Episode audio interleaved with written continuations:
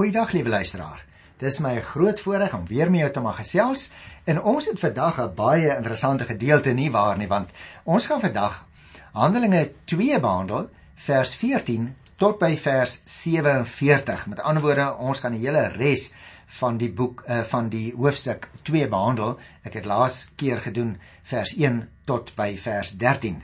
En ek sê dit is my 'n opwindende stuk want ons het gelees in die vorige program van die Pinksterfees daar in Jerusalem in die eerste vers en ek het vir jou vertel dit is uh, die oesfees wat gewoonlik 50 dae na die Paasfees plaasvind het en nou kom ons hier by Petrus se toespraak op die Pinksterdag.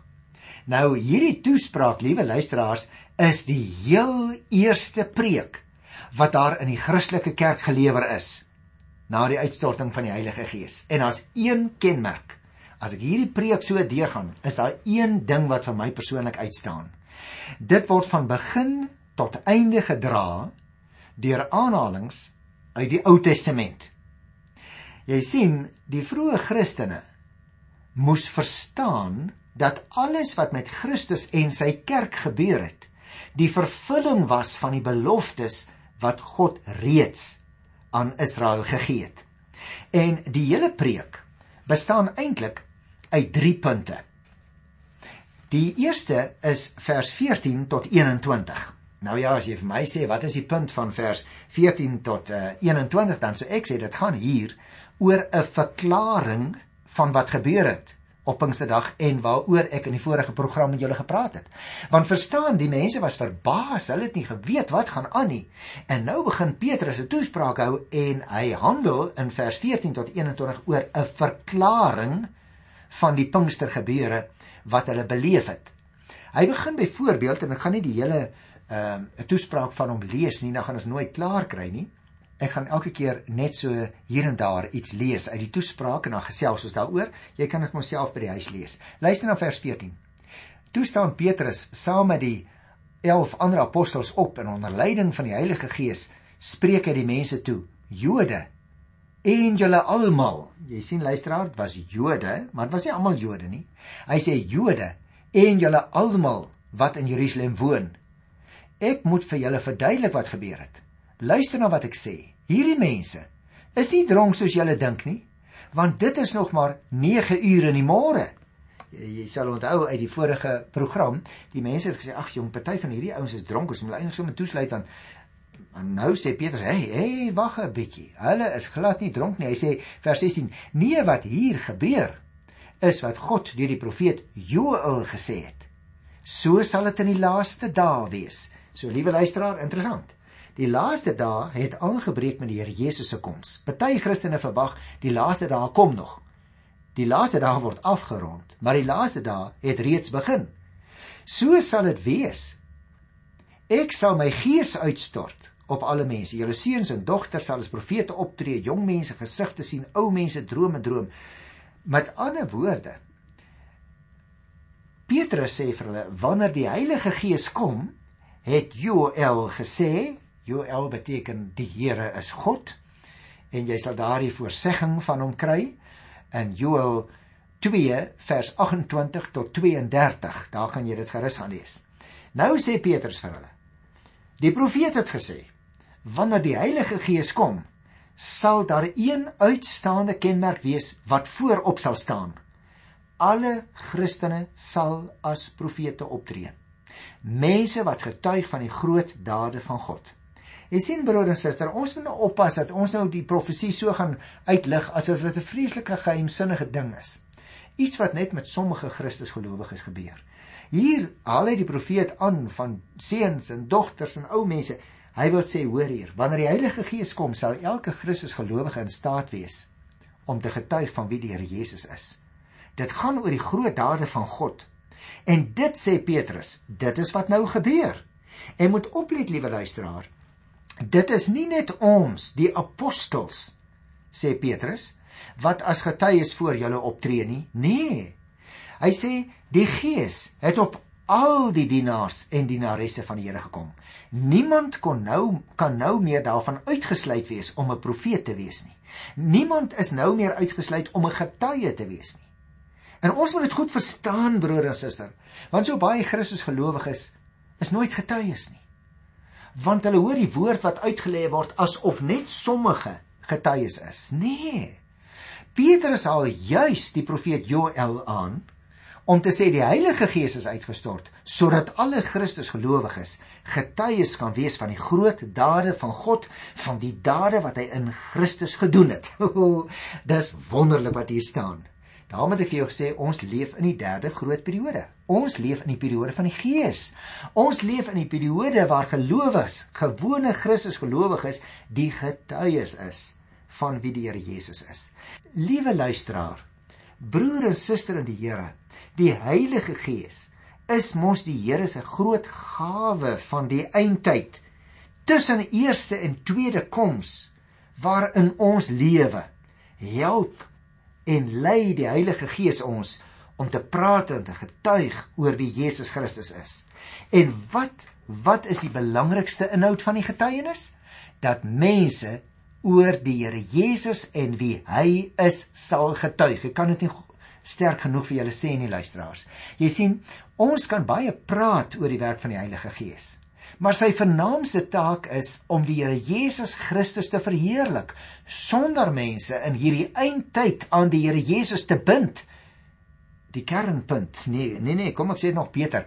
Die kernpersoon om wie dit in hierdie getuienis gaan is Jesus Christus. Nie jou en my tale en ons wonders nie. Dit gaan oor Jesus Christus in die getuienis van die Heilige Gees. Dit is natuurlik ook in ooreenstemming met die belofte wat die Here Jesus net voor sy hemelvaart self gegee het. Want luister weer, Handelinge 1:8, wanneer die Heilige Gees kom, sal mense getuies wees. Die baie eenvoudige vraag wat dus uit die eerste deel van Petrus se preek na vore kom is dit: is jy en ek werklik 'n getuie van Jesus Christus. Dis oor hom dat dit gaan in hierdie tyd. Die tweede afdeling van Petrus se preek uh kry ons myns insiens in vers 22 tot 32 en dit handel oor 'n ander tema. Die opstanding van Christus. Hy het dus eers gepraat oor in die eerste paar verse uh oor wat gebeur het. En hy sê Dit wat gebeur het is 'n bevestiging van wie Jesus Christus is. Nou praat hy vers 22 tot 32 oor die opstanding van die Here Jesus. Ek wil so hier en daar 'n versie of gedeelte daaruit aanhaal. Byvoorbeeld vers 20: Die son sal pikdonker word, die maan bloedrooi voordat die groot en die glorieryke dag van die Here kom. So sal dit wees. Elkeen wat die naam van die Here aanroep, sal gered word. En daarmee het hy die vorige deel afgesluit. Nou begin hy met hierdie tweede gedeelte oor die opstanding by 22 luister hy sê Israeliete luister na hierdie woorde. God het Jesus van Nasaret aan julle bekend gestel deur die kragtige dade die wonders die tekens wat God hom by julle laat doen het. Daarvan weet julle self. Hy begin dus weer 'n keer by die Here Jesus om vir hierdie mense te laat verstaan Jesus het opgestaan. Hy sê byvoorbeeld by vers 25, daar is van hom gesê deur Dawid. Ek is nou by vers 25. Ek het die Here altyd voor oë. Hy is aan my regterhand. En daardie gedeelte, 'n uh, eh, liewe broer en suster, is ook 'n aanhaling uit die Ou Testament waarmee hy bevestig uit Psalm 16 vers 8 tot by vers 11 dat die Here Jesus opgestaan het. Hy sê vir hulle baie duidelik in vers 29 broers wat ons voorvader Dawid betref, moet ek dit vir julle duidelik stel. Hy het gesterwe en is begrawe. Sy graf is nou nog hier by ons. Luister nou mooi. Maar hy was 'n profeet. Hy het geweet dat God met 'n eed aan hom beloof het dat een van sy nakommelinge op sy troon sal sit. Daarom, luister nou baie mooi, vers 31. Daarom het hy die opstanding van die Christus vooruitgesien en gesê hy is nie aan die doodryk oorgelaat nie. Sy liggaam het nie vergaan nie. Hy uh hy vat dit saam met vers 32 uh wanneer Petrus sê God het hierdie Jesus uit die dood laat opstaan. Daarvan is ons almal getuies. Jy sien dus hoe Petrus te werk gaan. Hy hou nie net 'n preek nie. Hy sê Jesus in die eerste deel was die vervulling van die profeseë van die Ou Testament. Hy sê ek vertel julle nou van Dawid. Dawid was groot en belangrik, maar hy's hy's dood, hy's begrawe. Hy sê sy graf is nou nog hier by ons. Maar Jesus Christus wat uit die geslag van Dawid is, hy het opgestaan. Met ander woorde, in vers 22 tot 32 bewys Petrus vir sy luisteraars wat die Ou Testament geken het, dat Jesus moes opstaan. Hy sê soos Psalm 16 dit voorsê het. Nou, daar vertel God dat God sy dienaar nie aan die dood oorgegee word nie. Dawid kon dus nie van homself gepraat het toe hy praat oor die opstanding uit die dood nie, want hy was ook maar sterflik, sê Petrus. Gevolglik pas Petrus nou die Psalm toe op die Here Jesus om te verduidelik dat die uitspraak van Jesus betrek moet word. Hy het opgestaan uit die dood. En let nou op, dit is weer eens die Here Jesus wat sentraal wat sentraal staan in hierdie tweede afdeling van die preek. En hier by name in sy opstanding. Wat met hom gebeur het, wil Petrus sê, het deur sy sterwe en sy opstanding plaasgevind. En dit is volgens die belofte van God in die Ou Testament. Dit is wat Petrus wil sê. En dan kom hy by die derde afdeling van sy preek wat ons kry in vers 33 tot 36. Dit was dus eers wat gebeur het op Pinksterdag. Jy moet verstaan, dit is Jesus na wie die Ou Testament verwys het. Toe was die tweede deel. Jesus het opgestaan uit die dood en nou die derde afdeling. Jesus is dus die Here en die Christus wat voorsê is in die Ou Testament. En weer eens, liewe luisteraar, ek gaan nie die hele gedeelte lees nie. Uh ek gaan net aanhaal hier uit vers 33 tot by vers 36, dan kan dit uh op jou eie tyd self lees. Ek wil vir jou probeer verduidelik um wat hier presies staan. So kom ek lees by vers 33. Hy, dit is nou die opgestane Here. Hy is verhoog aan die regterhand van God en hy het die Heilige Gees wat beloof is van die Vader ontvang en uitgestort. Dit is wat julle nou sien en hoor. Vers 34. Dawid het nie na die hemel toe opgevaar nie. En tog sê hy, en nou al die ander die Ou Testament, die Here het vir my gesê, sit aan my regterhand totdat ek jou vyande aan jou onderwerp het. Daarom sê Petrus nou, die hele Israel moet nou vas en seker weet, God het hierdie Jesus wat julle gekruisig het, Here en Christus gemaak. En dit is hoekom ek vir jou sê, liewe luisteraar, die derde deel van die preek gaan oor Jesus is die Here en die Christus en daarvoor het Petrus aangehaal uit Psalm 110, die eerste vers. Toe hy gesê het: "Julle moet onthou, Dawid het nie na die hemel toe opgevaar nie. En hy het tog ook nie aan die regterhand van God gaan sit nie, soos wat Dawid sê in Psalm 110. Hy sê die Ou Testamentiese uitspraak is dus ook in die eerste plek nie op Dawid van toepassing nie, maar op die Here Jesus. Hy het opgestaan. Hy het hemel toe gevaar. Dit is Petrus se betoog. Dit is met ander woorde Jesus, sê Petrus, wat verhoog is en wat na sy opstanding aan die regterhand van God gaan sit het. Nie waar nie mense? Wil hy vir hulle sê, Jesus is dus inderdaad Here en Christus. Die preek sluit dus af op 'n hoogtepunt, liewe luisteraars. Die apostels wil die hele Israel vir Christus wen. Hy wat reeds Here en Christus is, hy verkry nou sy volle regering en ver verlossingsmag. Christus is die verlosser van die laaste tye wat Israel verwag het. Nou mag jy vra broer Johan, nou goed, ek is 'n Christen, wat beteken dit nou vir my? Kom ek noem jou 'n paar dinge. Nommer 1, dat ons die wonderlike verband tussen Ou en Nuwe Testament moet raak sien. Die Ou Testament, sê baie mense, en ek dink hulle kan dit ook reg sê, is die boek van die belofte en die Nuwe Testament is die boek van die vervulling. Die tweede ding wat dit vir ons beteken, Pinksterdag het ten diepste aangebreek sodat Jesus Christus verheerlik kan word, sodat selfs die eenvoudigste mens, soos jy en ek, in staat gestel kan wees om te getuig aangaande wie die Here is. Ek wil vir jou vra, doen jy dit? Die derde ding wat vir my uh uitstaan in die gedeelte wat vir my betekenis het en ek hoop vir jou broer en suster is die opgestane Here is Here en Christus. En jy sal onthou, volgens Paulus in Kolossense 3 vers 1, het jy en ek saam met hom opgestaan in 'n nuwe lewe. Ek wil weer vir jou vra, lewe jy daardie nuwe lewe wat jy en ek in Christus deelagtig geword het?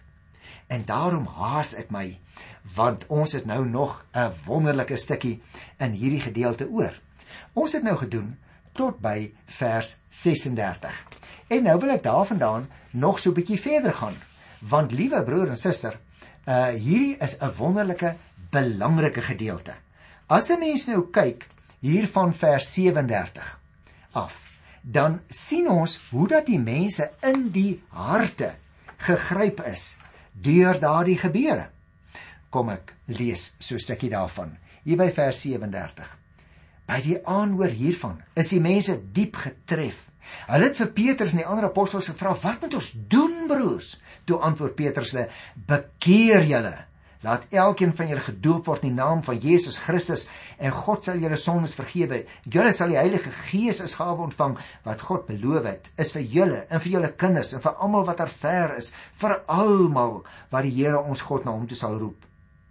Nou, dit is belangrike woorde wat ons hier het. En uh, daarom dink ek ons moet 'n bietjie met mekaar daaroor praat luisteraars want daar's baie verwarring oor oor hierdie goed.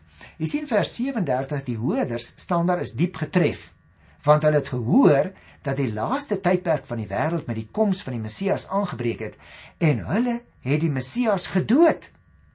En half vertwyfeld, half hoopvol vra hulle nou wat moet ons doen?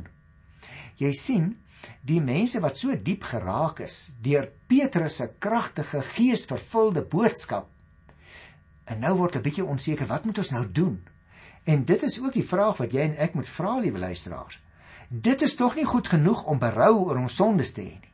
Ons moet God ook vra om ons sondes te vergewe en daarna gaan lewe as mense wat vergifnis ontvang het. Mag ek vir jou vra, het God deur sy woord of deur 'n ander gelowige met jou gepraat. Want jy sien, dan moet jy en ek ook soos Petrus se toehoorders vra wat ons nou moet doen. Dat ons gehoorsaam kan wees aan die opdrag wat die Here ons wil gee. En daarom is vers 38 en 39 so belangrik. Bekeer julle. Jy sien Petrus antwoord: Julle moet tot bekering kom. Julle moet wegdraai van die sonde af, né? Die res van die vers toon juis aan wat die grond is van bekering dat 'n mens met al jou vertroue jou moet wend tot Christus. Dit help nie net jy los sekere ou goedjies nie. Jy moet jou wegdraai van die sonde na Christus toe.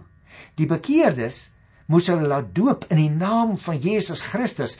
Jy sien, die naam van Jesus Christus word dus genoem by die doop wat dan beteken dat die dopeling hom laat verbind aan Christus. En ag liewe luisteraar, ek wil vir jou vra, laat ons tog nie nou weer in die ou debat ingaan oor groot doop of kinderdoop nie.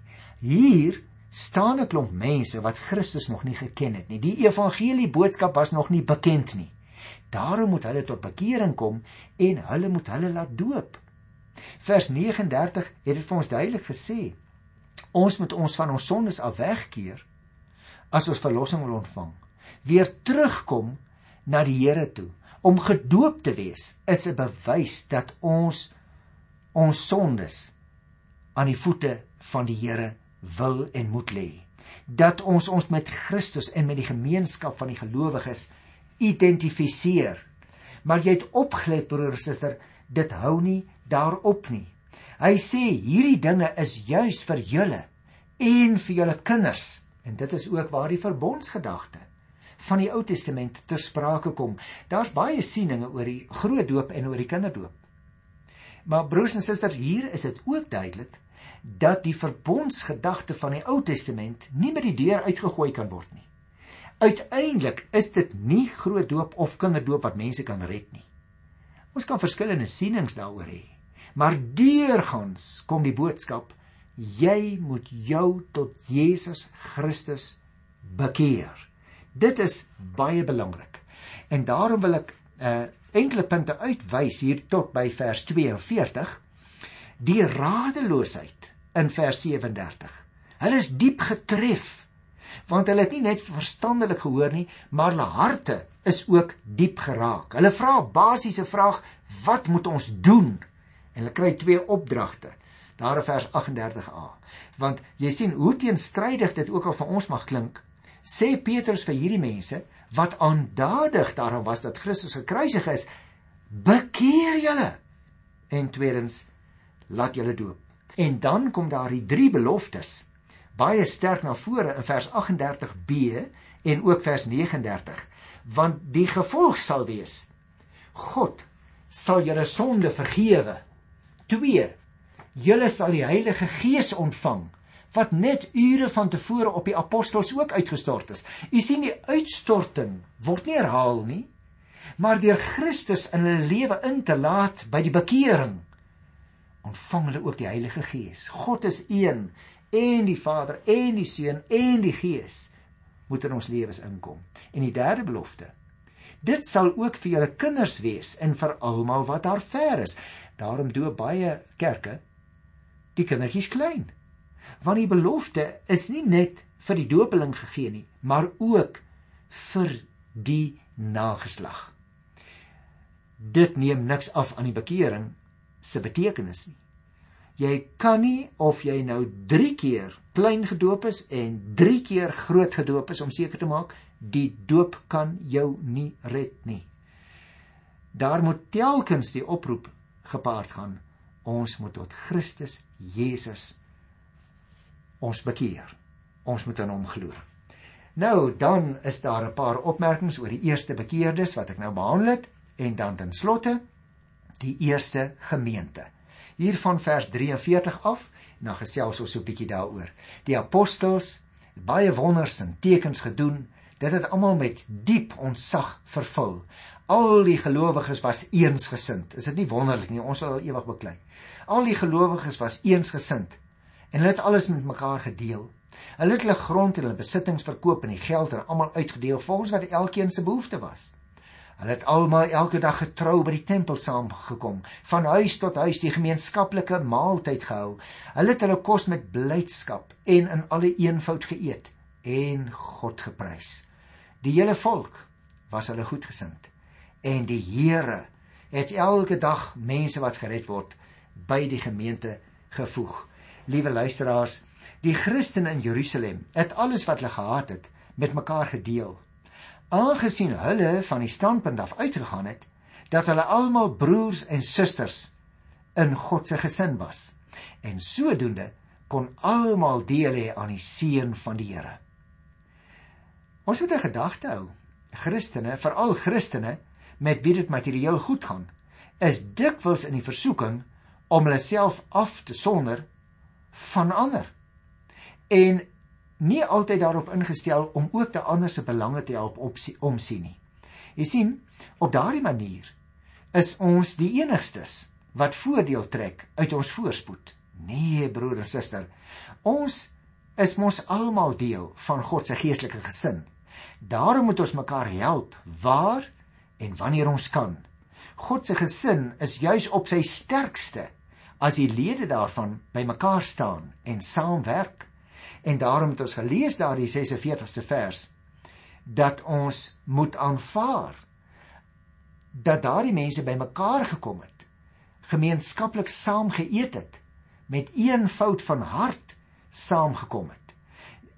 Dis belangrik dat ons sal weet, daar word dikwels verkeerdelik aanvaar dat daardie eerste Christene, wat almal Jode was, die Joodse geloof verwerp het. Dis verkeerd aangesien hulle juis Jesus se opstanding en boodskap beskou het as die vervulling van alles wat hulle op grond van die Ou Testament gehoor en geweet het. Nou ja, dit is so. Aanvanklik het hulle hulle dus nie afgesonder van die res van die Joodse gemeenskap nie. Hulle het egter nog steeds na die tempel en die sinagoge gegaan, het ons daar saam gelees en meer omtrent die Here te wete gekom daar waar sy woord gelees is.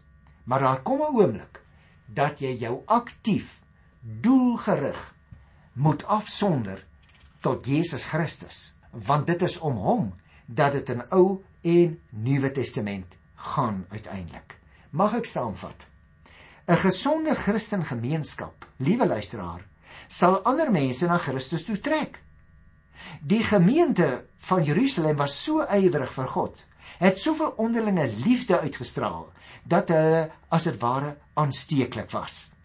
'n Gesonde gemeente waarin daar opregte liefde is, sal altyd groei. Jy en ek het ook die roeping om jou kerk so aantreklik vir buitestanders as moontlik te maak. Hoekom? Sodat dit Christus kan verheerlik. Ja, sodat dit ander kan insuig na Christus toe. Dis om hom dat dit gaan. Tot volgende keer. Totsiens.